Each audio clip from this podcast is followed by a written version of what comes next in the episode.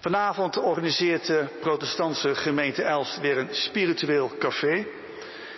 En in het spiritueel café proberen we altijd lezingen te organiseren op het grensgebied van religie, cultuur en maatschappij. En vanavond is Mart de Kruif onze gast. Mart is voormalig militair met de rang, als ik het goed zeg, van luitenant-generaal in de landmacht. En vanavond zal hij met ons zijn gedachten laten gaan over, bestaat er zoiets als een rechtvaardige oorlog? Waar moet een oorlog ethisch aan voldoen, wil deze mogelijk zijn? Is de mens goed of is de mens kwaad? Wij zullen in deze kerk niet meer zeggen dat de mens geneigd is tot alle kwaad. Maar of alle mensen deugen, dat kunnen we toch ook niet meer zeggen. Een beetje naïef. En zeker na, of nu de oorlog in de Oekraïne is losgebarsten. De waanzin in Gaza. Zit er allemaal met vragen. Is vrede mogelijk? Is er altijd zoeken naar macht? Is er altijd dictatuur? Hoe ziet de avond eruit? Eerst is er zo muziek door IJsbrand orgel, Gerburg viool, Astrid dwarsfluit. En ze zullen zelf steeds vertellen wat ze gaan spelen. Dan zal uh, Mart zijn inleiding houden.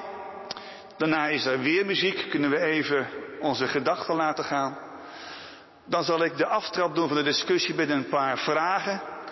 En daarna, dat volgt Mart het mooiste, gewoon vragen en antwoorden, een open dialooggesprek. Ik zal dan met de microfoon de zaal inlopen en vragen verzamelen. En dan tot ongeveer kwart over negen, dan is het denk ik goed geweest. Want alle vragen kunnen we ook niet oplossen. Dan sluiten we de avond. Dan is er voor wie wil nog een glas wijn of een glas sap. En anders wel thuis. Ik wil de muzikanten uitnodigen om het eerste stuk te spelen. En daarna, Mart, is het podium hier voor jou.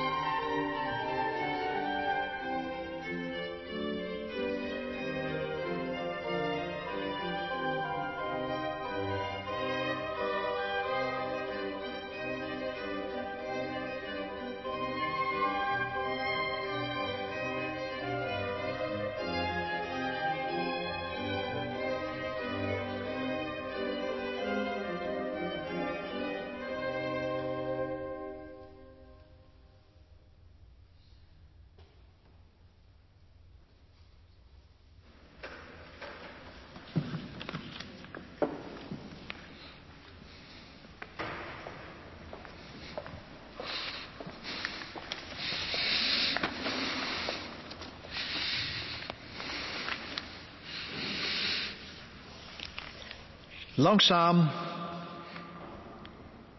worstelen de eerste stralen daglicht zich over de toppen van de bergen en maken het silhouet scherp en indringend.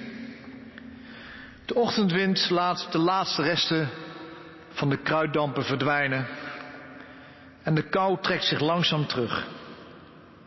Het team scant de omgeving die zich als een monument presenteert. Er is niets meer dat beweegt. De mannen zijn nog niet mentaal geland. Holle ogen, piepende oren, zweet dat verandert in kou. Machinaal het voortrein scannen, als automatisme herladen, poetsen, drinken en eten. En tellen. Iedereen is er nog. Marco verbreekt de opkomende lethargie. Zorg voor je spullen. Verdeel de munitie. Zorg dat je er weer klaar voor bent. Oh ja, vier man om dekens te zoeken of ander spul waarmee we de slachtoffers kunnen afdekken. We laten niemand hier zomaar liggen. Uit respect. Actie. Uiteindelijk zijn een tiental collega's een uur bezig om bijna 60 gesneuvelde Taliban-strijders af te dekken. Want na het gevecht overwint het respect. Dit fragment beschrijft één van de acties waarvoor Marco Kroon uiteindelijk wordt onderscheiden met de militaire Willemsorde. Het vond plaats in Afghanistan, waar een oorlog werd geduid als opbouwmissie. En staat waarschijnlijk in schil contrast met uw beeld van Marco Kroon. Daarover later meer. Maar misschien zegt het wel iets over de wijze waarop nieuws aan ons wordt gepresenteerd. In Nederland wordt het woord oorlog onbewust of misschien bewust vaak vermeden. In Nederlands-Indië voerden we geen oorlog, maar deden we politionele acties. In Srebrenica verwijderden wij de kanonnen van panzervoertuigen omdat deze te agressief leken in een vredesoperatie. En in Afghanistan bouwden we op. Het was politiek immers geen vechtmissie. Het is een poging om met semantiek iets met ongekende indringendheid beheersbaar en misschien wel politiek aanvaardbaar te maken. Maar oorlog is niet beheersbaar. De militair weet dat als geen ander. Als de kogels om de oren vliegen, maakt de naam van de missie geen enkel verschil. Je plast in je broek van angst. Je oren suizen van het geluid. Je wordt misselijk van de luchtdruk. De geur van kruid brandt zich in je geheugen. En je kunt nauwelijks meer denken. Oorlog betekent dat je normale mensen in volstrekt abnormale omstandigheden plaatst. Waarbij angst, moed, verbazing, falen en lijden hand in hand gaan. Misschien praten we daarom in Nederland niet zo graag over oorlog. Omdat oorlog onvoorspelbaar is in een wereld waarin we altijd alles willen plannen. Omdat oorlog onvoorstelbaar is in een wereld waarin we alles willen controleren. Omdat oorlog besluiten vergt waar we liever vandaan blijven. En omdat oorlog offers vergt wat niet past in ons wereldbeeld van individualisme, winst en perfectie. En nu is die oorlog er weer in tweevoud. Bij onze voordeur. Of in onze achtertuin, wat u wilt. Oorlogen die genadeloos blootleggen hoe twee totaal verschillende opvattingen over macht en staat leiden tot een conflict. Een oorlog in Gaza waarvoor militair geen oplossing is en de politiek faalt om de regie op weg naar vrede op zich te nemen.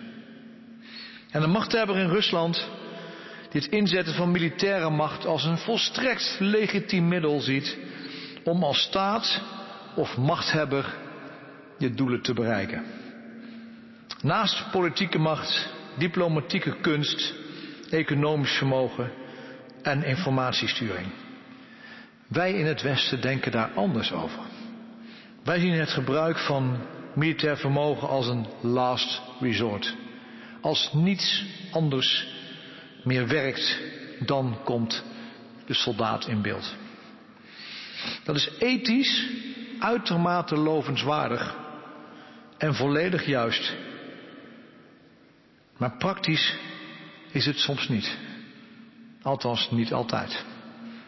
Want als militaire macht tegen ons of onze bondgenoot wordt ingezet, beginnen we altijd op achterstand. Altijd reactief. Altijd eerst achter de feiten aanlopend. Nu zou een criticus kunnen zeggen dat dit wel meevalt. Dat we desondanks in West-Europa bijna 80 jaar in vrijheid leven. En dat is waar. Gelukkig maar. Maar die vrijheid was wel gebaseerd op afschrikking. Zowel conventioneel als nucleair. Die conventionele afschrikking hebben we tien jaar geleden collectief afgezworen. We konden niet wachten om het vredesdividend in zijn volle omvang te incasseren.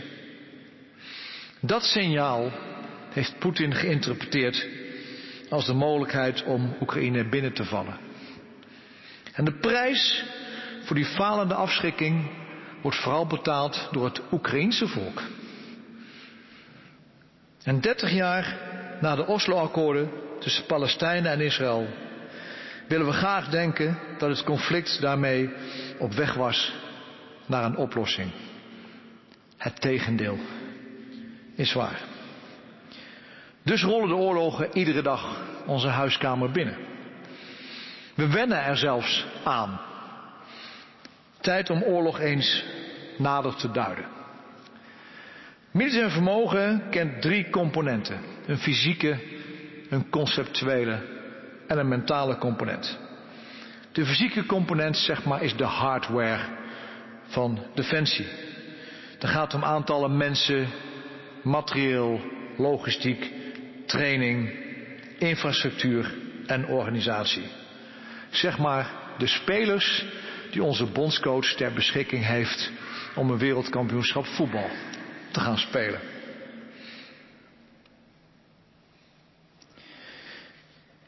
Dan hebben we de conceptuele component. Dat gaat eigenlijk over werkwijze, over doctrine, over lessons learned, vaardigheden. Begrijp je het conflict? Begrijp je jouw tegenstander? Simpel gezegd is dit de vraag die de bondscoach moet beantwoorden. Spelen we 5-3-2, 4-4-2 of 4-3-3? En dan hebben we de mentale component. Dan heb ik het over normen en waarden. Mentale vorming. Leiderschap. Motivatie. Oftewel de wil om te winnen. De wil om wereldkampioen te worden. Game changers zien we altijd in die fysieke component, in die hardware. En die fysieke component heeft vooral te maken met wetenschap, met technologie. Het gaat om aantallen, systemen, methodes, meten, rekenen. De conceptuele component is meer een mengelmoes van wetenschap en kunst. Een doctrine kent principes, dat is de wetenschap. Maar de toepassing van die principes in verschillende concepten, dat is de kunst. En tot slot is die mentale component vooral kunst. De wil om te vechten vereist vooral de kunst van leiderschap in zijn meest brede vorm. Mensen dingen laten doen waarvan ze dachten dat ze dat nooit konden. De beste daarvan en de basis ligt in leiderschap en zingeving. Laat deze componenten nu eens los op de oorlogen om ons heen. In Oekraïne is het evident dat in het begin van de oorlog Rusland de fysieke component domineerde. Massa. Pas nadat de wapenleveranties vanuit het Westen ook dracht en precisie toevoegden aan de Oekraïnse krijgsmacht, veranderde dit in een min of meer gelijkspel. De conceptuele component was een honk dat aanvankelijk werd gewonnen door Oekraïne. David tegen Goliath. Slimheid tegen massa. Oekraïne was slim in het inzetten van haar krijgsmacht. Niet gelijk alles inzetten bij de grens, maar de Russen opvangen in de diepte, in terrein waar je zelf de weg kent. Dat concept breekt beslissend bij de afweer van de Russische opmars rond Kiev en Kharkiv en leidde tot succes in de Donbass en rond Gerson. Maar het grootste verschil tussen de Russische krijgsmacht en de Oekraïnse krijgsmacht lag en ligt in die mentale component. Bij die wil om te vechten. Daar domineert de Oekraïnse krijgsmacht. Bijna in alle opzichten. Waar Rusland motivatie en resultanten vindt van dwang en repressie, toont de Oekraïnse soldaat een sterke intrinsieke motivatie. Hij of zij vecht voor zijn familie, voor zijn land. De oorlog in Gaza kent hierin een andere dynamiek. Het surplus aan middelen bij Israël leidde tot een grote onderschatting van de wil en intenties van Hamas. Hamas werd niet in staat gehaald om Israël te verrassen. En Israël had geen plan om snel te kunnen reageren op een dreiging. U kent de prijs. En u moet de Israëlische soldaten een vrijwel onmogelijke missie uitvoeren. Het vernietigen van Hamas. Want je kunt een geest van verzet nooit vernietigen. Dus ook daar komt het aan op die mentale component, op leiderschap, op moreel en ethiek. Is dit nieuw? Nee. Mensen handelen in onmenselijke omstandigheden. Dat handelen vereist heel veel, soms onmogelijk veel van leiderschap en menselijke waardigheid. Dat is een constante in de geschiedenis. Net zo constant als dat die mentale component juist oorlogen beslist. We kennen allemaal de voorbeelden van de winteroorlog in Finland, het conflict in Vietnam en de oorlog in Afghanistan. De wil bepaalt het succes. Wat betekent dat nu voor ons? Nederland. Laten we beginnen met de middelen. In 2019 zei de toenmalige minister van Defensie, Ank Bijleveld, dat de Nederlandse krijgsmacht niet meer in staat was haar grondwettelijke taken uit te voeren. Feitelijk zegt ze daarmee dat Nederland niet kan bijdragen aan de verdediging van het bondgenootschappelijk NAVO-grondgebied. Haar opmerking leidde niet tot enige mate van onrust. Wat buitengewoon vreemd is, want het parlement is verantwoordelijk voor de grondwet en het handhaven daarvan.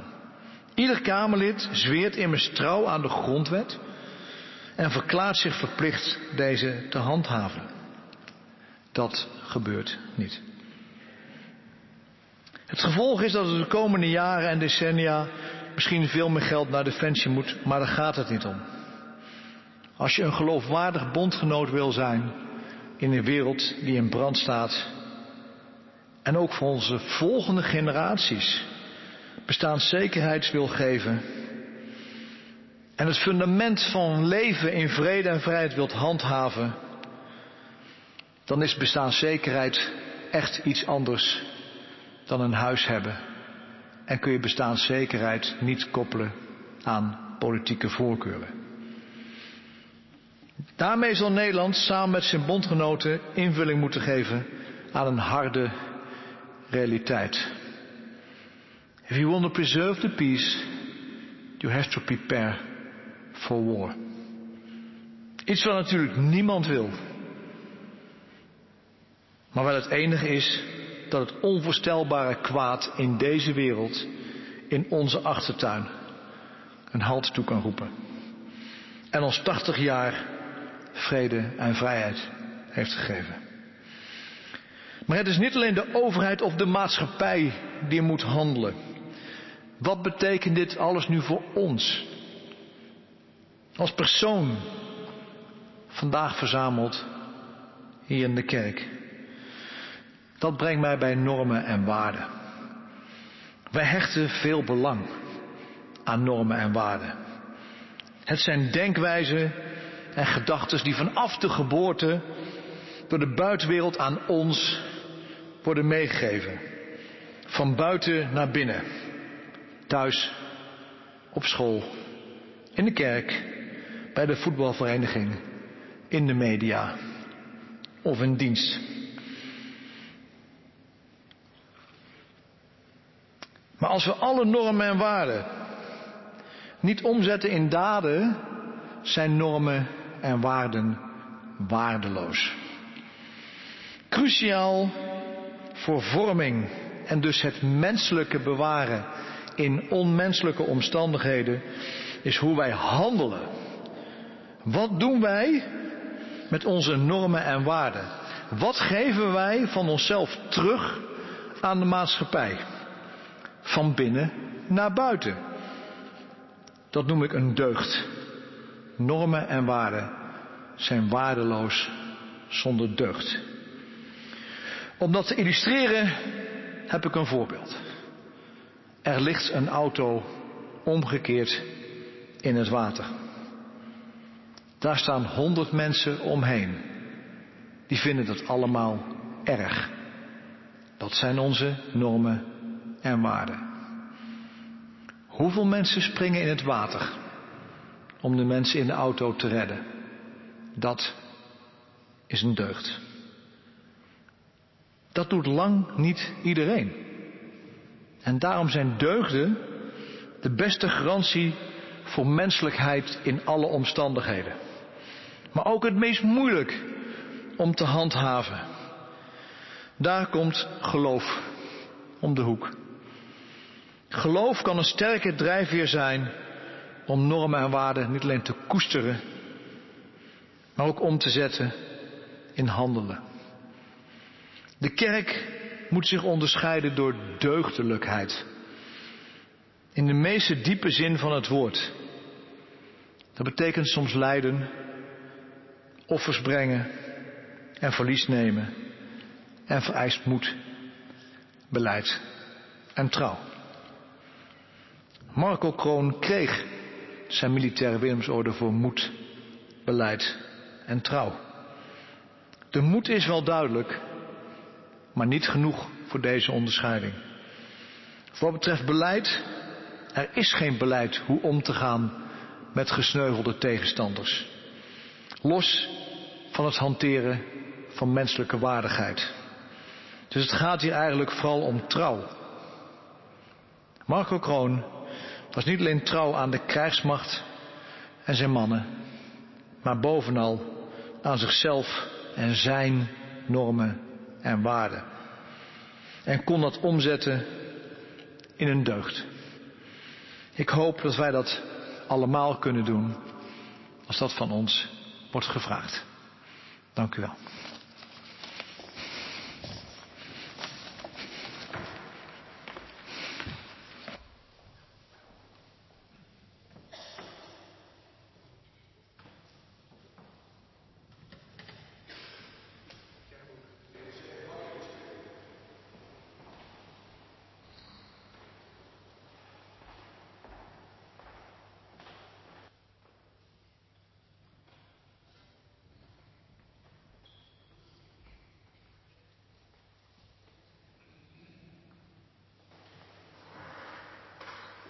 IJsbrand en ik spelen nu een stuk wat uh, inmiddels staat voor alles leed wat door oorlog uh, geschiet.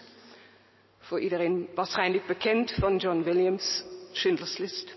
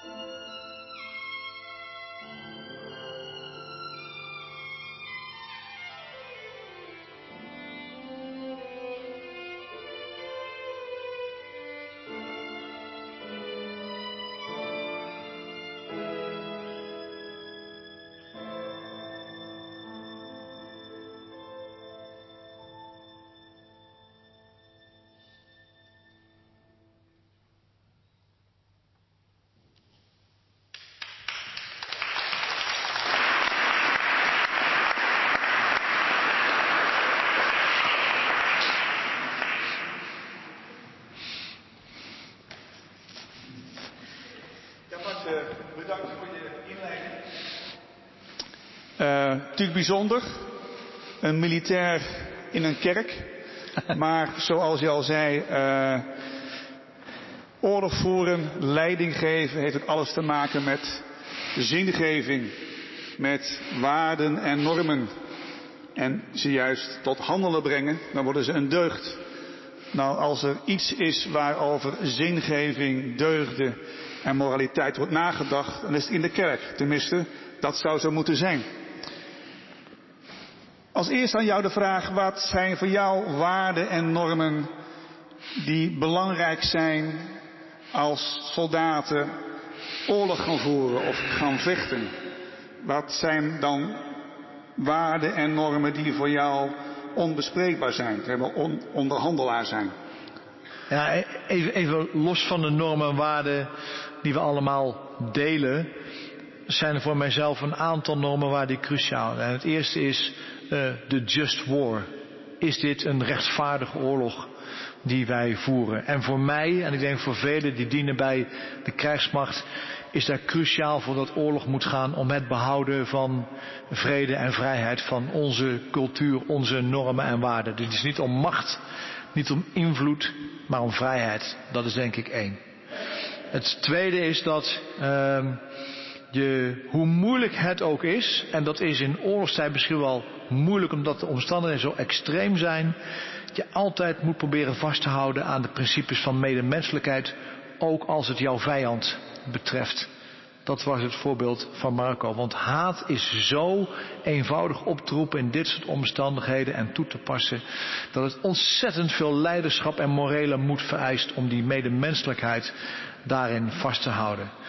En een derde is dat uh, in een oorlog blijf je altijd verantwoordelijk voor jouw daden. En die verantwoordelijkheid kun je ook niet uh, ontwijken. Niet alleen juridisch, maar ook ethisch. En dat is cruciaal als je zoveel geweld mag toepassen als dat de krijgsmacht kan doen. Dan moet je voortdurend de vraag stellen, ik ben ervoor verantwoordelijk. Is het geweld dat ik gebruik, is dat proportioneel? En is dat gezien de omstandigheden, is dat juist? En dat klinkt makkelijk, maar dat is het moeilijkste wat er is. De kerk der eeuwen heeft altijd nagedacht over wat je zegt een rechtvaardige oorlog. Uh, maar bestaat die eigenlijk wel? Als wij mensen zijn, als ik nu al dicht bij mezelf hou, als ik in een situatie kom van angst, van, misschien van macht, uh, van haat, dan denk ik dat ik tot dingen toe in staat ben die waarschijnlijk niet mensenwaardig zijn. Uh, is het niet een illusie, een rechtvaardige oorlog? Ja, als, als, ja. als het zo zou zijn, dan zouden we misschien nu nog Duits spreken vandaag.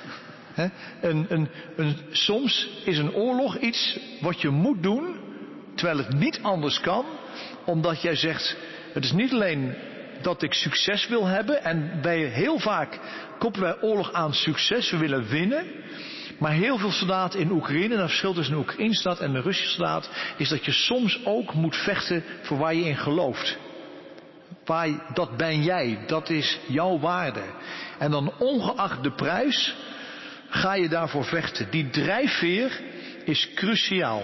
Dat is geen drijfveer van haat of macht, dat is een drijfveer van doen waarin ik geloof. En dat is het verschil tussen het Oekraïnse leger en het Russische leger. Is er daarmee een rechtvaardige oorlog? Dat is aan welke kant je gaat staan. Maar volgens mij moet je uitgaan van het begrip dat de Universal Soldier, die bestaat niet. Ik denk dat als ik voor mezelf spreek, maar een heleboel mensen in de krijgsmacht, wij zouden niet kunnen dienen in een krijgsmacht die niet staat voor de verdediging van onze vrede en vrijheid en de normen waar die erbij horen. Er zijn landen in deze wereld waar wij niet zouden kunnen dienen. En wij in dat opzicht kunnen wij denk ik alleen maar, en zo zou ik ook willen dienen, een rechtvaardige oorlog voeren als die vrijheid en die vrede die wij hebben en die normen waarden in het gedrang komen. Want soms moet je het kwaad met het zwaard vergelden. En dat is dan voor mij een rechtvaardige oorlog. Is dan voor jou zeg maar het belangrijkste waar zeg maar, de Nederlandse staat voor zou vechten het thema vrijheid? Vrijheid van denken, van geloof, van seksuele geaardheid in plaats van economische macht? Ja, ik had We hadden vandaag in Mustis hadden we een vraag van iemand en dat was zeg maar een klassieke complotdenker.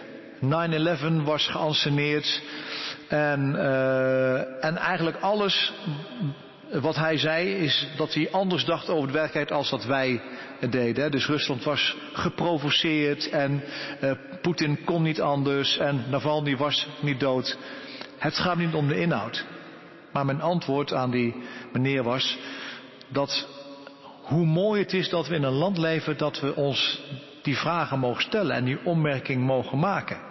Eigenlijk laat die meneer zien met zijn opmerkingen dat we nog steeds leven in een land waarin je ongeacht geaardheid, achtergrond, religie, seksen mag zeggen wat je wilt zonder dat je daarvoor gelijk consequenties moet uh, uh, trotseren. En ik denk dat dat een groot goed is. Ik denk dat wij in een wereld leven waarin we vrijheid en die vrede en vrijheid echt moeten koesteren. Waarden en normen. Uh, we zitten in een kerkmat. Uh, waar haal jij je waarden en normen vandaan? Uh, nou, niet, niet, niet meer uit de kerk, in alle eerlijkheid. Dat wil niet zeggen dat ik niet geloof, maar u ziet aan mijn leeftijd dat ik al wat ouder ben. Dus ik zat in de jaren 70 in de kerk toen de discussie ging over neutronenbom. En dat de dominee op de kansel zei letterlijk, als militair ben je moordenaar. Letterlijk. Het waren hele andere tijden trouwens toen nu. Als militair ben je moordenaar. Ja, ik vind dat een kerk nooit een politiek standpunt mag innemen. Een kerk moet er voor iedereen zijn. Maar dat heeft mij gewoon vervreemd van de kerk toen. En toen ben ik min of meer mijn eigen weg gegaan.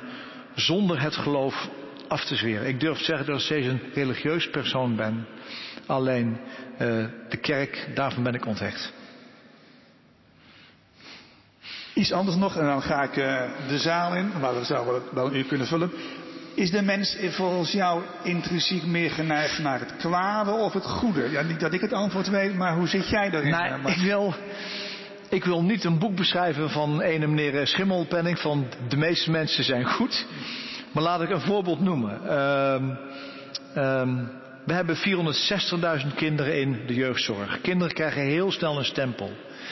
En bij Defensie mochten jongens en meiden niet solliciteren omdat ze uh, geen verklaring van geen bezwaar kregen. Maar we zijn altijd vergeten om de context daarvan te bekijken. Het waren jongens en meiden die uit een circuit kwamen. Dat ze werden gevraagd, ga je vanavond mee naar de haven uithalen? Maar dat deden ze niet en hebben ze twee keer een kleine winkeldiefstal gepleegd in zes jaar een strafblad en ze mogen niet meer in dienst. Ik denk dat we een maatschappij hebben waarin we veel meer moeten kijken naar het goede in de mens en dat opzoeken en vinden, want dat is er gewoon. En 460.000 kinderen in de jeugdzorg is wel heel erg veel. Dan moeten we ons afvragen, wat doen wij fout? En het is ook hoe je het nieuws vreemdt, hoe je het nieuws brengt. We hebben 2 miljoen mantelzorgers in Nederland. 2 miljoen mantelzorgers. En het lijkt alsof het één individuele chaos is in dit land. En dat geloof ik niet en ik zie het ook niet. En ik heb in dienst kunnen zien hoe ontzettend opofferingsgezind jongens en meiden zijn als dat wordt gevraagd. Dus ik ben een rasoptimist. Dat komt misschien omdat ik Feyenoorder ben, maar ik geloof in het... Ik toevallig ook, want mijn vader kwam Rotterdam, maar het is wel het verder niet over Maar ik geloof echt dus in het goede van de mens. En als ik dat geloof verlies, dan zou ik als mens waarschijnlijk niet meer kunnen leven en als militair niet kunnen dienen. Dan toch even, binnenkort is Pasen, ben je toch een mens, opstanding, bevrijding, dat blijft uiteindelijk toch het laatste woord? Ja, altijd. Ja. Wie heeft er een, uh, een vraag aan Mart? als niemand een vraag heeft, dan zijn we snel klaar. Peter, kom maar even hier naartoe. Um, ik vroeg mij af toen je je verhaal vertelde of we door het afschaffen van de dienstplicht niet een kloof hebben gekregen tussen um, de militaire opdracht die we soms moeten vervullen en wat mensen op dit moment überhaupt aan beelden hebben over oorlogsvoering. Ja, ja. En daar kan ik een heel lang antwoord op geven. Ik zal het proberen kort te houden. We hebben de dienstplicht ooit afgeschaft omdat nog maar drie van de tien jongens in dienst gingen en meisjes helemaal niet. Het was een onhoudbaar systeem en terecht dat we het afgeschaft. Het tweede is, dat ik in missies heb ervaren dat het militaire vak echt een professie is geworden. Ik weet dat als een gewonde overleeft, wordt bepaald in de eerste twee minuten na de verwonding. En als je dan moet kiezen door behandeling van een dienstplichtig, sorry dames, maar een hospik die is opgeleid om een verband aan te leggen, of een professionele traumatoloog, een combat lifesaver, dan kiest iedereen voor de combat lifesaver. Dus het is ook een vak geworden. Maar daarmee is wel de krijgsmacht vervreemd van de maatschappij. Ik zou niet willen dat we weer een dienstplicht gaan invoeren. Dat is één, want dan blijft een oneerlijk systeem. Maar ik ben wel voor een maatschappelijke dienstplicht. Ik zou er groot voorstander van zijn als, net als Kennedy zei, don't ask what your country can do for you, but what you can do for your country. En de laatste weken speelt erbij nog eens bij mij. Iedereen praat over een gepolariseerde maatschappij in Nederland. En we schrijven daar vellen over vol en berichten over vol. Maar ik denk dat de maatschappelijke dienstplicht cruciaal is. ik, ik kom uit een tijd nog van verzuiling. Ik werd Nederlands hervormd opgevoed. Ik ging naar een christelijke school. Ik ging naar een zaterdagvoetbalvereniging. En zo had je ook een gereformeerde zuil en een katholieke zuil. En die verticale zuilen werkten bovenaan samen. We hebben nu sprake van horizontale verzuiling. Waar komt nog de rijke luiszoon uit Laren de boerenzoon uit Groningen tegen? Nergens. Die leven in hun eigen bubbel. En een maatschappelijke dienstplicht, waarbij je na een week met tien jongens en meiden niet meer wordt afgerekend op je afkomst, maar wat je toevoegt aan de groep, is volgens mij het beste middel om polarisatie tegen te gaan. Daarom ben ik daar een voorstander van. En last but not least, Defensie mag ook wel wat meer naar buiten treden. Ik weet nog dat we de aanslagen in Brussel kregen, zes jaar terug. En Defensie mocht niet meer in uniform naar werk toe. Enige goede actie had moeten zijn alle militairen in uniform naar hun werk. Dat is namelijk de hoofdtaak van Defensie. Dus Defensie moet meer naar de maatschappij toe. Maar we moeten ook nadenken hoe we deze wereld, ook voor onze kinderen en kleinkinderen, veel beter kunnen maken. En daar kan Defensie bij helpen, maar aan maatschappelijke dienstplicht kan daar zeker bij helpen. Goedenavond. Goedenavond. Um, het gaat over normen en waarden. Uh, we staan hier in een kerk, waar ik ook in opgegroeid ben, ook met het woord, gij zult niet doodslaan. Ik ben ook oud genoeg om nog in dienst gemoeten te zijn. Ik heb dienst geweigerd, 15 jaar geleden. Uh, ik ben benieuwd hoe u, hoe u daarnaar kijkt. Overigens heb ik ook de laatste jaren van mijn werkzame leven me hoog ingezet voor de maatschappelijke stages. Ja, Dat ja. even als kanttekening. Ja. Ja, je zult er verbaasd van staan van het feit hoeveel mensen mij aanspreken voor het feit dat ze niet in dienst zijn gegaan. Daar kom ik heel veel mensen tegen. En ik denk dat ik voor u geen goed antwoord heb. Want ik ben een mix van mijn ouders. En mijn moeder was 15 jaar toen de oorlog begon. Uh, die heeft de Duitsers meegemaakt dat ze haar geschiedenisleraar ophaalde van school. Dat verzetsmensen werden gefusilleerd. Mijn moeder uh, kon dat heel moeilijk omzetten. Zij gebruikte het woord Duitser niet. Duitser was een mof. En uh, Duitsland was Mofrika. Mijn vader was drie jaar dwangarbeider in Duitsland. En die haatte de Duitsers niet. En die zei tegen mij, let op. Uh, als we, maak nooit de fout om de Duitsers nu de fout van hun ouders en voorouders achterna te dragen. En vergeving begint bij het slachtoffer. Niet bij de dader. Dus er is geen enkele militair, kan ik u echt meedelen, dat als je oorlog hebt meegemaakt, dat je nog een keer een oorlog wilt meemaken. Het is het meest onmenselijke wat er is. Maar de paradox waarin we leven is, als je dat niet wilt, in de wereld waarin wij leven, dan moet je macht uitstralen. Dan moet Poetin ervan overtuigd zijn dat hij geen bokser tegenkomt met een dichtgeslagen oog en een vuist achter op de rug, want Poetin luistert alleen naar macht. Dat is het erge.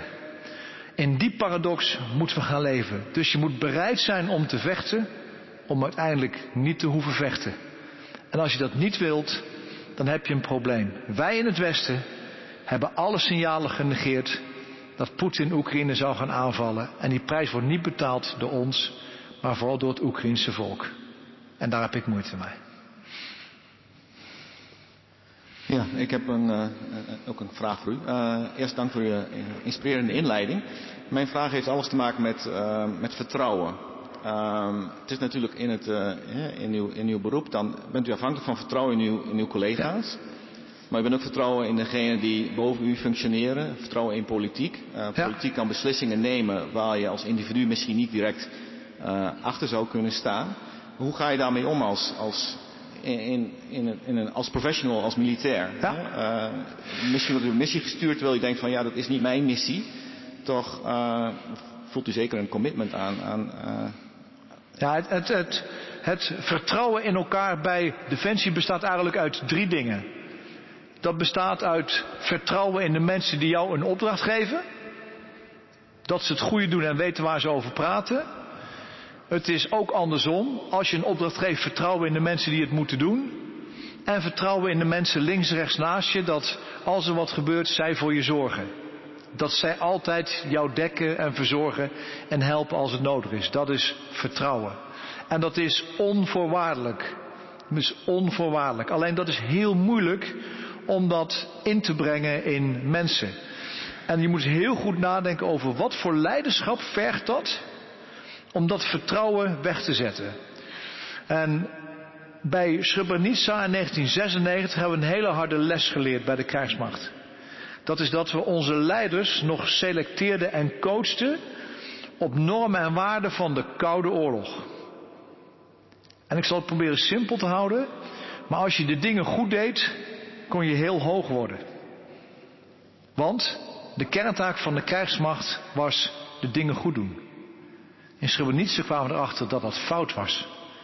De kerntaak van de krijgsmacht is vechten. Dat is de kerntaak van de krijgsmacht. Want dan kun je afschrikken, dan kun je stabiliseren, dan kun je vrede brengen, dan kun je alle effecten brengen die nodig zijn. En het heeft ontzettend lang geduurd om dat te koppelen, zeg maar, dat ander leiderschap, dus andere mensen leiders te hebben aan een systeem, dat noemen wij opdrachtgerichte commandovoering. Je zegt mensen wat ze moeten doen, en waarom ze het moeten doen, maar je zegt ze nooit hoe ze het moeten doen. Je geeft volledige vrijheid aan de mensen die het moeten doen. Dus de pelotonscommandant in Oerskan moet nooit een satelliet boven zich hebben staan waarin je bij Den Haag met een camera kunt kijken wat hij doet. Je moet vertrouwen dat hij op dat moment het juiste doet. En de voorwaarden daarvoor zijn, je moet je leiders goed selecteren en detecteren. Dat is één. Je moet ze heel goed coachen en voortdurend met dilemma's laten confronteren en kijken hoe ze ermee omgaan. Dat is twee. En je moet ze leren dat je alles kunt delegeren behalve verantwoordelijkheid. Als je dat niet doet, dan is er geen vertrouwen in niemand. Als eerste, ik heb netjes mijn militair dienstplicht vervuld en ben er zeer trots op. En ik ben ook voorstander van dat het dus heringevoerd wordt. Dus, de, dus af, niet afschaffen, maar opschorten. Gewoon beëindigen. Dan hebben we ook weer mensen die dus uh, genoeg bij de krijgsmacht zitten. En, en de andere vraag die ik heb is, hoe kijkt u naar uh, de reactie van de media op hetgene wat de krijgsmacht doet? U haalt zelfs de Brenische aan, maar dus bij drie kreeg via de media de schuld van alles. En Karmans kreeg een probleem.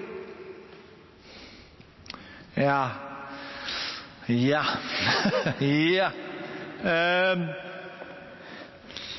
ik moet eerlijk zeggen dat ik niet zo'n probleem heb met de media in Nederland, hoe die praten over de krijgsmacht.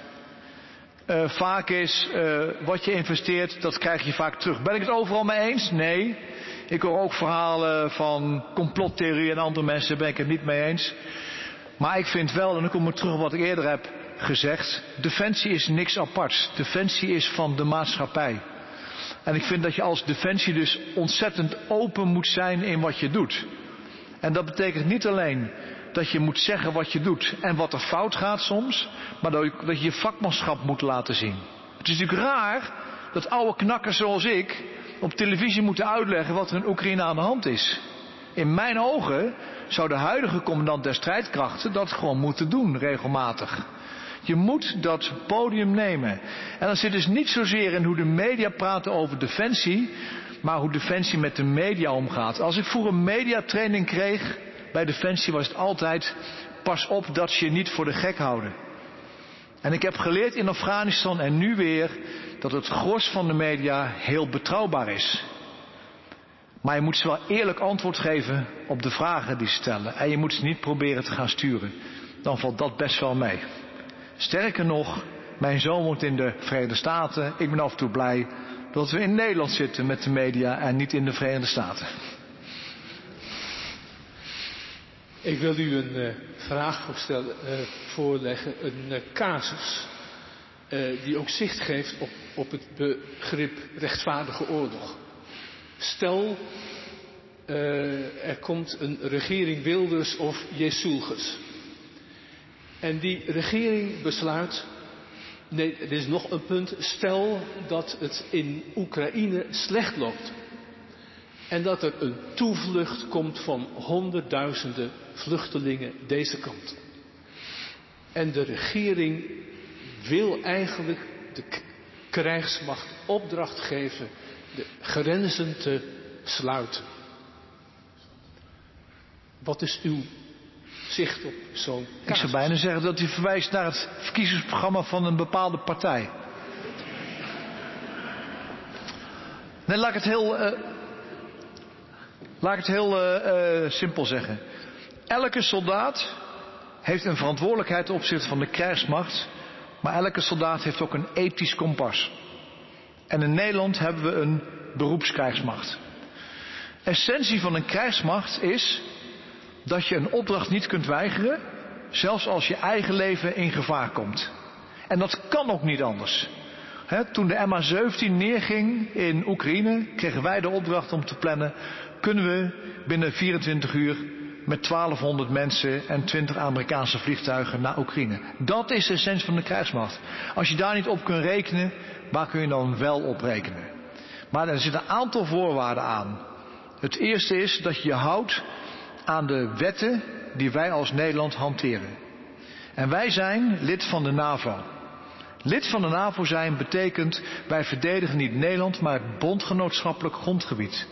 Als je dat dus wil, dan moet je zeggen als politiek wij stappen uit de NAVO. Dat is de consequentie. Dat betekent ook dat je de grondwet moet aanpassen, want in de grondwet staat dat wij het bondgenootschappelijk grondgebied verdedigen en dat we niet Nederland verdedigen. Dat is één.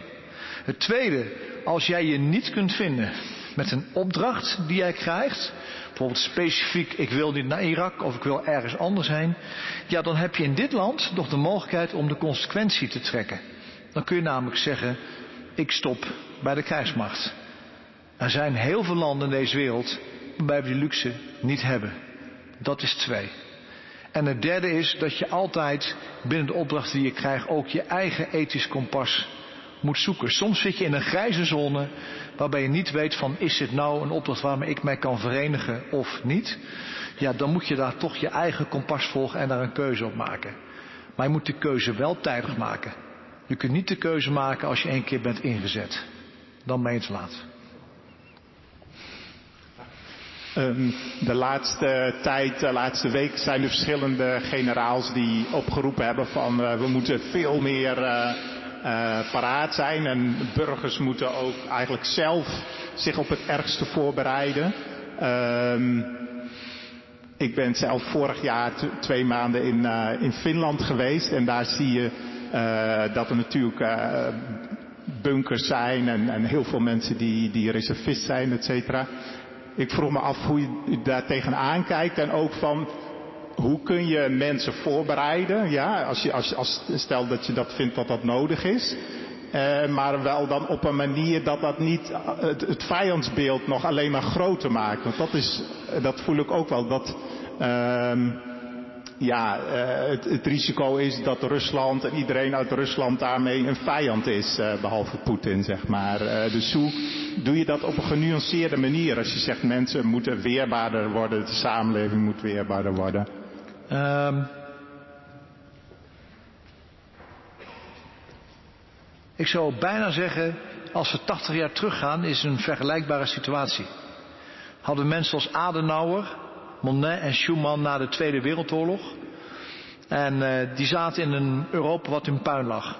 En Europa lag in puin omdat we eigenlijk drie grote oorlogen hadden gehad in 1870 tussen Frankrijk en Duitsland. Die leidden weer tot een belangrijk deel tot de Eerste Wereldoorlog en die weer tot de Tweede Wereldoorlog. En een aantal mensen toen die hebben gezegd, als we zo doorgaan met kernwapens en we krijgen een derde wereldoorlog, hebben we geen Europa meer, hebben we geen toekomst meer voor onze kinderen en kleinkinderen. En wat die mensen hebben gedaan, Adenauer, Schuman, Monet en Marshall, is de morele moed getoond door mensen te zeggen wat er moet gebeuren, ook al is het niet leuk, ook al moet je over je eigen schaduw springen. En dat noem ik geen politiek, dat noem ik staatsmanschap. En ik vind dus dat de leiding van dit land en ook politici zouden moeten zeggen, niet alleen hoe we de welvaart die we nu hebben gaan verdelen, maar vooral ook hoe we de welvaart die we nu hebben gaan behouden voor onze kinderen en kleinkinderen de komende tien jaar. En dat betekent dat je soms een boodschap moet uitzenden die niet goed is. Dat je een boodschap moet uitzenden van misschien krijgen we wel zeven magere jaren om met de Bijbelse vergelijking te blijven. Maar als je dat niet doet, je vertelt niet eerlijk wat jij ziet, dan wordt de teleurstelling in de politiek en de angst voor de toekomst in Nederland alleen maar groter. Dus zo'n beetje zeggen, weer een beetje moed, beleid en trouw. U, u geeft aan dat uh, we eigenlijk macht moeten uitstralen om oorlog te voorkomen. Maar waar stopt dat? Want als iedereen telkens steeds meer macht uitstraalt, op een gegeven moment, ja, denk ik, ik zie daar geen einde aan. Ja, nou ja. Ik zou eerlijk zeggen dat ik een groot feest zou vinden als morgen elke euro naar defensie, naar de zorg zou kunnen gaan of ergens anders zou gaan. Ik ben daar een groot voorstander van. Ik zou het niet anders willen. Maar er is helaas in deze wereld nog veel te veel kwaad wat daar anders over denkt. Wat om ons heen gebeurt. En ik zie al dat Poetin bijvoorbeeld al 15 jaar bezig is, sinds Transnistrië en Georgië, om zijn eigen doelen na te streven. Ik zie elke dag dat een mensleven daar geen enkele waarde heeft. Ja, en het vervelende is dat soms de enige tegenkracht tegen het kwaad is dat je zelf ook geweld moet gebruiken. Het kan niet anders. En, en dat is wat ik heb meegekregen van huis uit. Ik zou graag dat het anders zou zijn. Ik zou niet anders willen. Ik vind ook dat een oorlog niet altijd een oorlog hoeft te zijn. Heel veel oorlogen hadden kunnen voorkomen die we hebben gehad. Maar uiteindelijk zitten we in deze wereld nog met heel veel mensen die het gebruik van militair vermogen als een volstrekt legitiem middel zien om hun persoonlijke doelen na te streven. Zolang dat zo is, hebben we met z'n allen echt een probleem. En ik zou willen dat het morgen anders was. We, we zien op dit moment dat uh, Amerika was tot nu toe altijd onze grootste bondgenoot in Europa. En uh, dat staat nogal wat in discussie, vooral met het oog op eventueel dat Trump uh, president wordt. Wordt het niet hoog tijd voor een Europees leger? Ja. ja, maar dan zijn we veel te laat. En ik zal een voorbeeld noemen. Even over Trump. Trump heeft de eigenschap om een kleine waarheid te verpakken in een hoop onzin.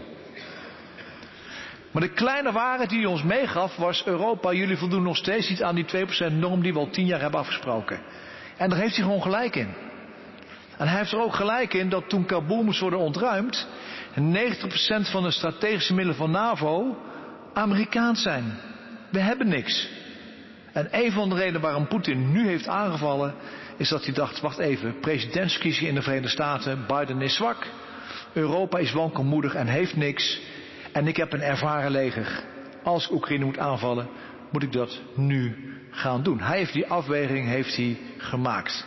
Dus ja, het is heel moeilijk om daar een balans in te vinden, maar uh, wij moeten heel goed nadenken hoe we weer vooruit kunnen kijken in deze wereld. En niet achter onze staat aanlopen, maar weer proactief kunnen zijn. En dat betekent voor ons dat we niet op de Verenigde Staten moeten rekenen. Dat betekent voor ons dat wij als Europa weer een eigen veiligheidsbeleid moeten hebben, een eigen buitenlands beleid, weer moeten opzoeken naar maakindustrie en grondstoffen. Want die hebben we alle vier niet. Daar moeten we rap, rap naar op zoek. Dat is eigenlijk de hint die hij ons heeft gegeven. Naast alle onzin die hij daarnaast verkondigt. Want laten we heel duidelijk zijn, als hij denkt dat hij Rusland, een Europees land, kan laten aanvallen, dan is hij één ding vergeten. Amerika is voor zijn economische groei en welvaart voor een ontzettend groot deel afhankelijk van Europa. En ik weet niet of u dat weet, maar kennelijk is hij dat in deze vergeten. Maar het betekent ook dat de toekomst voor Oekraïne, als hij niet wordt bepaald in Amerika, dan wordt hij bepaald in Europa. De toekomst van Oekraïne wordt bepaald in Brussel, Parijs, Londen en Berlijn. En zijn wij ons er wel van bewust. Niet alleen omdat Trump het zegt, maar omdat Oekraïne eigenlijk een oorlog vecht voor onze normen en waarden en onze vrijheden. En we hebben het al even gezegd, soms missen we wel eens die sense of urgency. Dat er heel, heel snel wat moet gebeuren in Europa. Want daar sneuvelen mensen die eigenlijk vechten voor onze doelen.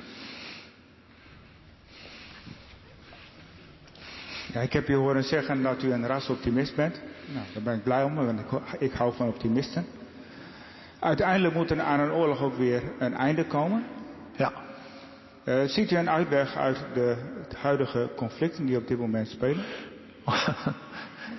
Dan had ik een andere baan. Maar even terug trouwens op uh, Europees leger. Je hoeft er niet op te wachten. We zijn er wel mee begonnen. Hè? De drie grote eenheden van de landmacht. Die zijn echt helemaal geïntegreerd in de Bundesweer. Het grootste hoofdkwartier van de Belgische marine staat in Den Helder. Dus als je niet van bovenaf gaat, dan begin je van onderaf. Dus laat niet wachten op het Europees leger, begin er gewoon mee. Uw antwoord, ja, als ik dat zou weten, zou ik hier niet staan, denk ik. Maar laat ik twee dingen noemen. Ik denk dat in de oorlog in Oekraïne en Rusland er een militaire oplossing nog steeds mogelijk is. In die zin dat Rusland deze oorlog niet gaat winnen. Denk ik. En dan praat je dus over een militaire oplossing. En dan kan de politiek aan de praat. Ik voorzie helaas geen militaire oplossing in Gaza. Waarom? Ik denk dat Hamas en Hezbollah kunnen Israël niet vernietigen. Israël kan de geest van verzet van Hamas en Hezbollah niet vernietigen. En als je dan wilt praten over een politiek akkoord, moet je eerst eenheid binnen je eigen partij hebben. Binnen Palestijn is geen eenheid. Binnen Israël is geen eenheid. Niet tussen seculiere Israëli's, niet tussen orthodoxe Israëli's. Dan kan het alleen maar met druk van buitenaf. Dat wij als wereld massaal zeggen, de grote landen, India, China, Rusland, Verenigde Staten. En nu is genoeg geweest. Nu ga je even naar ons luisteren. Dat doen wij niet. Nog steeds niet. En ik vrees dat dat voorlopig ook niet zal gebeuren, omdat één iemand baat heeft bij zoveel mogelijk rotzooi in het Midden-Oosten en die zit in Moskou. Maar, dat is de andere kant, de verantwoordelijkheid voor Israël ligt dus wel voor een gedeelte bij ons. Want er heeft daar 30 jaar een potje op het vuur gestaan waarvan wij wisten dat er wat fout ging, alleen wisten niet waar en hoe. Dus eigenlijk kan net als in Oekraïne niemand verbaasd zijn dat daar wat fout is gegaan. Mart, Mart, ik vond het een goed verhaal van jou. U, ja, u had ook nog een vraag, toch of niet? sorry, sorry, sorry. Ja, want ik wil u zeker niet overslaan, want u zit al zo lang. Uh, nou ja, ik heb zelf meegedaan aan de vredesdemonstraties. Ja. In Amsterdam, Den Haag en Arnhem. Ja. En uh, nou denk ik, ja, dat lied, Jeroen zei laatst, wat ben jij nou in vredesnaam aan het zingen? Wij vechten tegen de wapens, de wapens van de macht. Ja. Laat heel de wereld het horen, er komt geen einde aan. Onze lieve levende aarde mag niet verloren gaan. Nou denk ik, ja met al die macht en alles, het moet wat u vertelt. Maar ja, waar hebben we in godsnaam voor gelopen? Weet je wat het leuke is? Ik was er ook bij al gereden, misschien iedereen wel. Dus, uh... Weet je wat het leuke is? Ik liep aan de andere kant. Ik was prikkeldraad aan het leggen rond de vliegbasis Woensrecht, want er zouden de kruisraketten komen. Ja, en ik werd hier. Ja. Nee, even nee, nee, maar... Ik, ik werd hier, wat u dus... Nee, maar waar, waar u voor heeft gelopen, moeten we niet uit het oog verliezen. En, ver, en vergelijk Europa nu met Europa zoals het toen was. En vraag aan de mensen in Bulgarije, in Roemenië, in Hongarije, in de Baltische Staten, in Polen, hoe zij zich nu voelen. En dan zullen ze dankbaar zijn voor alles wat er in die Koude Oorlog is gebeurd, wat uiteindelijk heeft geleid tot het stoppen van het juk van Rusland. Want als u daar komt, zeggen ze maar één ding. Dank u wel dat jullie die Koude Oorlog hebben volgehouden. Met alles wat erbij komt. Dan heb ik niet voor niks gezongen. Dat is ook zo. Sowieso niet veel. Mart, eh, ik vond jouw eh, verhaal erg goed. Je noemt jezelf een oude knar. Ja. Vind ik een beetje meevallen, meerdere met mij, denk ik. Ja? Maar mijn vraag is eigenlijk, hoe bereid je met jouw verhaal de jeugd, de jongeren en de Tweede Kamer? Nee, ehm Tweede Kamer. Allebei, de jeugd, Ja, hè? ja. maar ook de Tweede Kamer. Ja, nou ja. Het eerste, de Tweede Kamer is wel een uitdaging. Alhoewel ik moet zeggen dat we heel goede contact hebben met een aantal mensen in verschillende partijen die bezig zijn bijvoorbeeld met defensie. Als, er- als het goed is heeft hij afgelopen week een motie kunnen aannemen over dat er weer tanks nodig zijn bij eh, de krijgsmacht.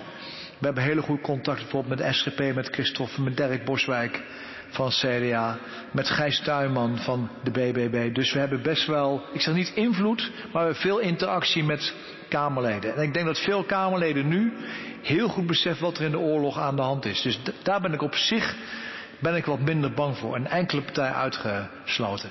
Hoe je hoe bereik je jongeren, ja dat wist ik ook niet. Maar wij zijn een podcast begonnen. En wij dachten, ja ja, wat is een podcast? Dat wist ik niet eens. Met twee is later maar eens gaan doen. En we hebben nu 70.000 luisteraars per week. 70.000.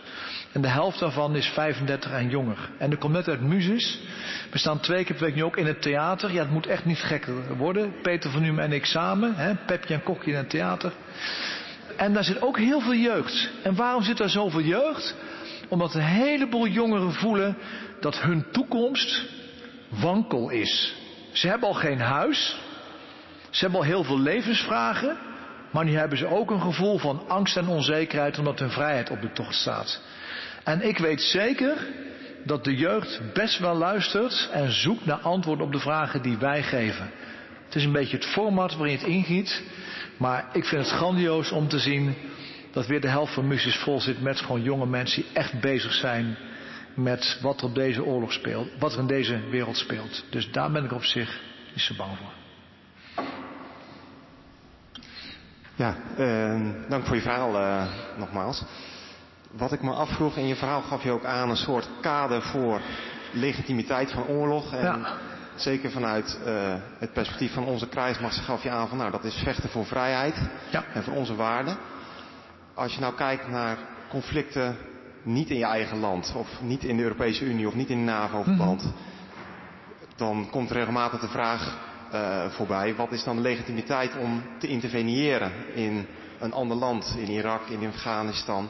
We zien ja. hoeveel, eh, nou ja, in eerste instantie er misschien motivatie voor is en een duidelijk Ja, verhaal. en vervolgens komt er toch ook een heleboel ellende uit voort. Hoe, kijk je daar tegenaan? Wat is de legitimiteit om elders in Nou, te zullen we eens de casus van Afghanistan pakken? We zijn ooit begonnen in Afghanistan omdat we na 9-11 dachten dat Afghanistan de basis was van Osama Bin Laden. Wij zijn daar toen als bondgenoten van de Verenigde Staten heen gegaan en we hebben een belofte gedaan aan de Afghanen. De belofte was, wij blijven net zo lang als dat nodig is om jullie weer toekomst te geven. Dat hebben we gezegd. We gaan niet alleen de Taliban wegsturen, maar we gaan jullie ook toekomst geven. Dat is wat we hebben beloofd. In Afghanistan is de cultuur zo, dat noemen ze eh, de Pashtunwali, zeg maar. Hè, eh, dat wat je belooft moet je doen.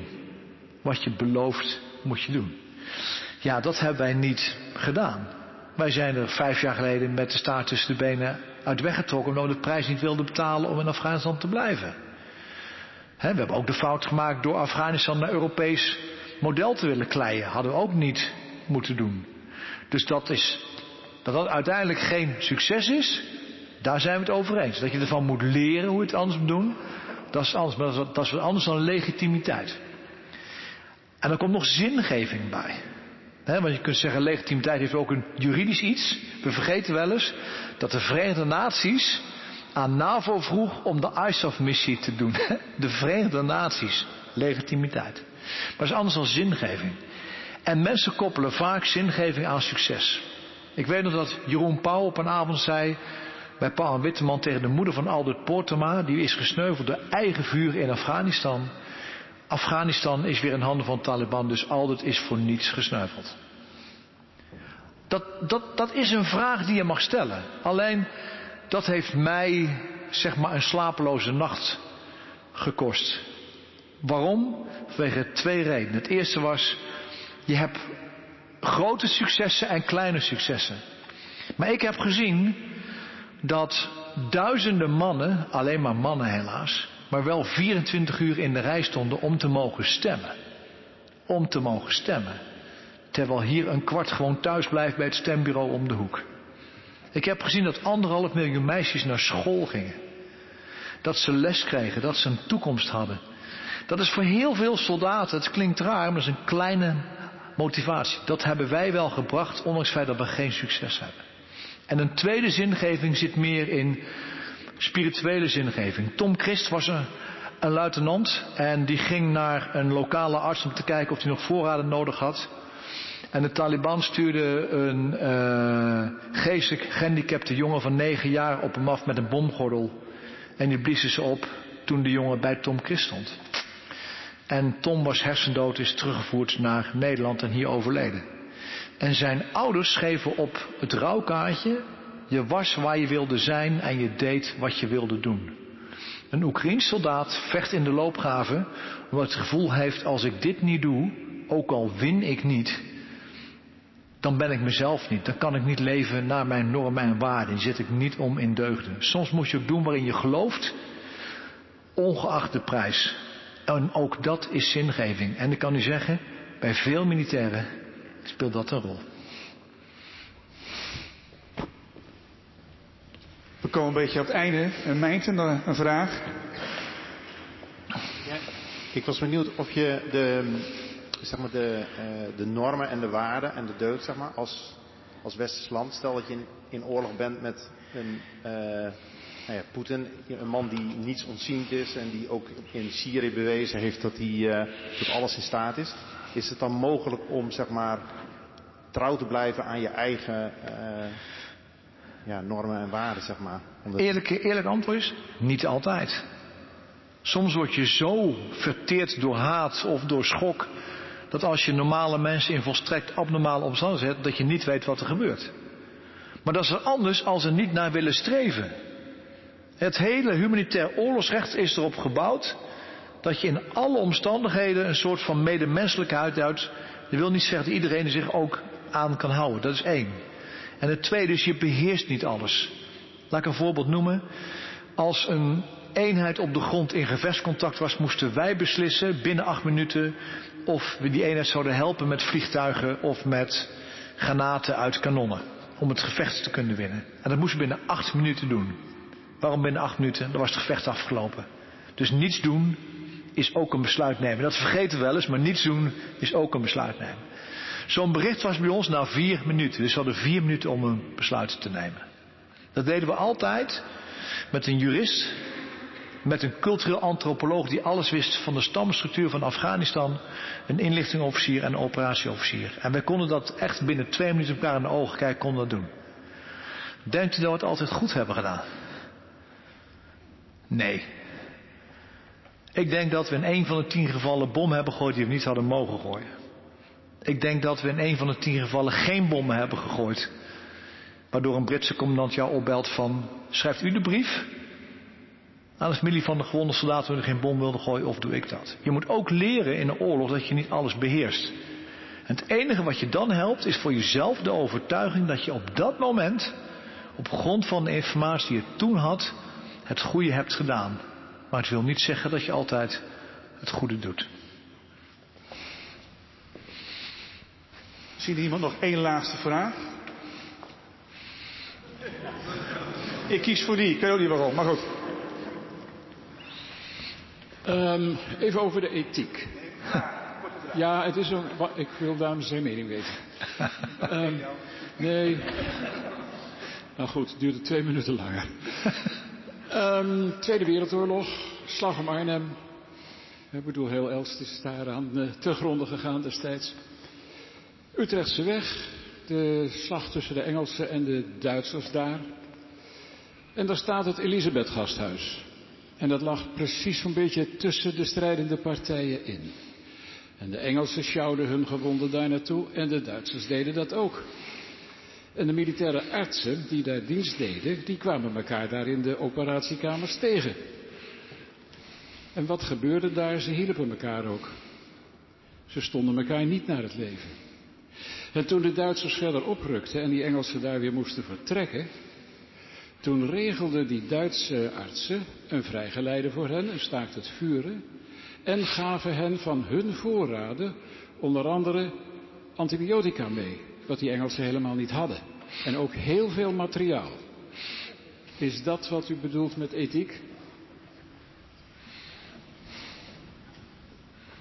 Ik vind het wel ethisch handelen als u dat bedoelt. Dat soort voorbeelden zijn er velen. Zijn er velen. Laat ik een voorbeeld uit de praktijk noemen. En dan mag u zeggen of dat dan eh, ethisch handelen is of niet.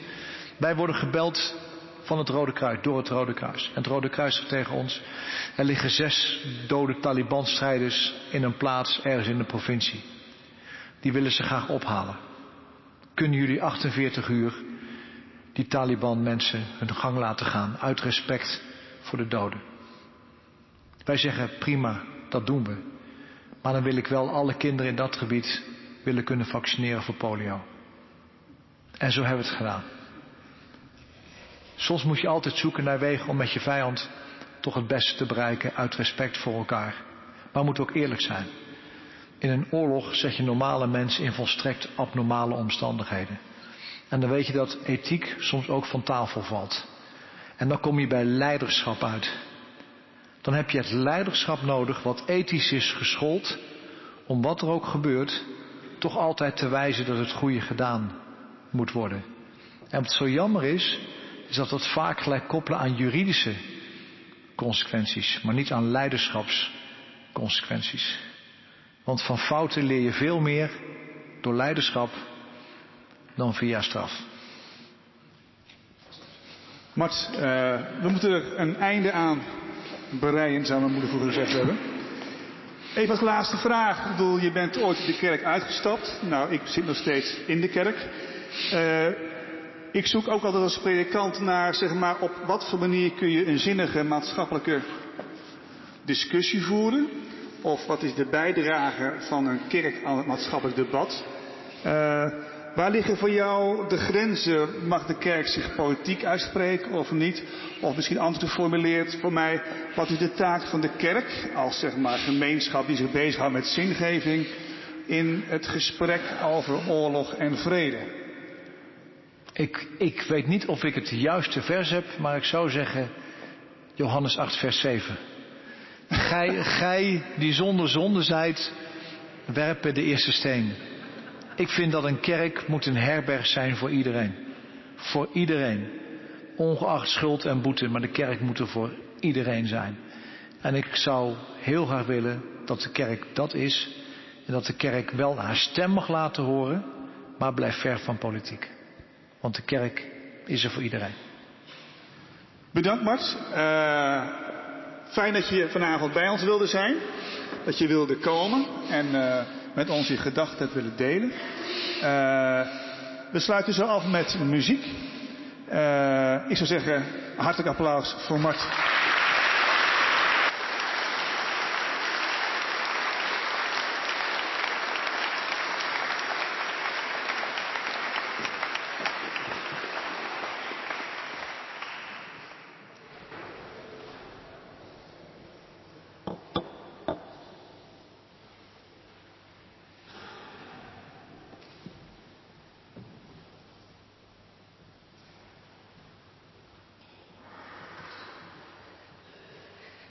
In het begin hebben wij uh, uit een reeks sonati trio sonatines van Telemann gespeeld. En uh, daar sluiten we nu ook mee af met een, een deel uit een sonatine.